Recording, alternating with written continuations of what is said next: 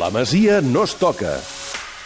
Abans de deixar marxar els nostres tertulians, eh, eh, demà Barça B Cartagena, tornada de la primera eliminatòria, o la segona en aquest cas, eh, eliminatòria d'ascens a segona divisió. El Barça va guanyar Cartagena per un gol a dos, per tant, demà, si fa bé la feina, passarà la última ronda, però s'ha de fer, només eh, faltaria. En tot cas, aquest matí, a la prèvia, el tècnic Gerard López deia això al voltant de la seva continuïtat.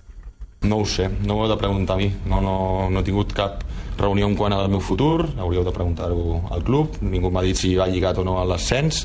Aleshores, eh, la millor forma que jo puc eh, honrar, com us he dit sempre, als jugadors, al club i a, i a on estic i, el, i a aquest escut és, és treballant el dia a dia, intentant eh, aconseguir l'objectiu, que, que sí que és, que, clar, que és, que és pujar i, i fer millorar els jugadors. Eh, valorar si això és una bona o no és tan bona temporada ja no depèn de mi, valorar si jo he fet una bona feina o no ja no depèn de mi, això és un tema que de preguntar al club. Uh, Oriol, Gerard, els dos experts en la matèria. Primer, és estrany que un entrenador que opta que lluita per pujar a segona o aconsegueixi o no, no tingui clar el seu futur i segon, eh, encara és més estranya la sensació que no continuarà. Sí, perquè jo crec que si contestin amb ell doncs ja li haurien dit i Clar. això s'hagués tancat inclús abans del playoff, no?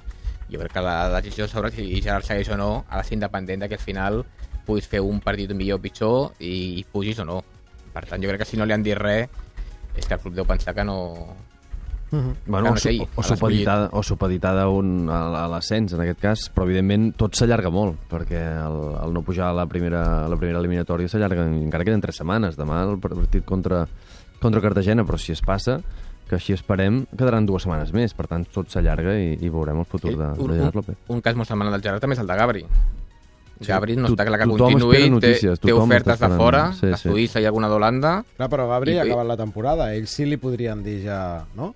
Bueno, però clar, potser també depèn de si de- el Barça fer, si si no, si se'n baixaran o no, vull Ah, que amic. hi ha molta gent pendent. No, moltíssims jugadors que acaben del juvenil A, pendents de si es crea un C o no, de quins saltaran al B, si és a segona B o si no a segona A. És, és complicat aquest de eh, fet, tram han, final. han trucat a jugadors que estan cedits o que inclús els van arribar a fer fora, que es voldrien recuperar si al final es crea el Barça C. Jo, un dia en parlarem amb calma. Mm. Això del Barça C a mi em sembla un autèntic pitaf, bàsicament perquè, excepte Jo- jo- jo- Carles Puyol i Pedro, crec que cap jugador ha passat pel Barça C i després ha arribat al primer equip. Però bé, eh, no tinc temps... Digues.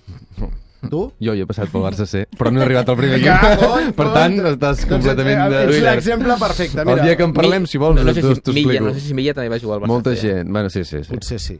Potser, uh, el dia que fem el tema ho buscarem Sí, sí, sí. amb concreció, però Sí, sí. convindrem que són escassos com per tenir un equip un jo, altre... jo tampoc soc, soc contrari perfecte al Barça C. Oriol, Gerard, Gema, gràcies per ser-hi un divendres més. Un plaer. Gràcies. Ara tornem.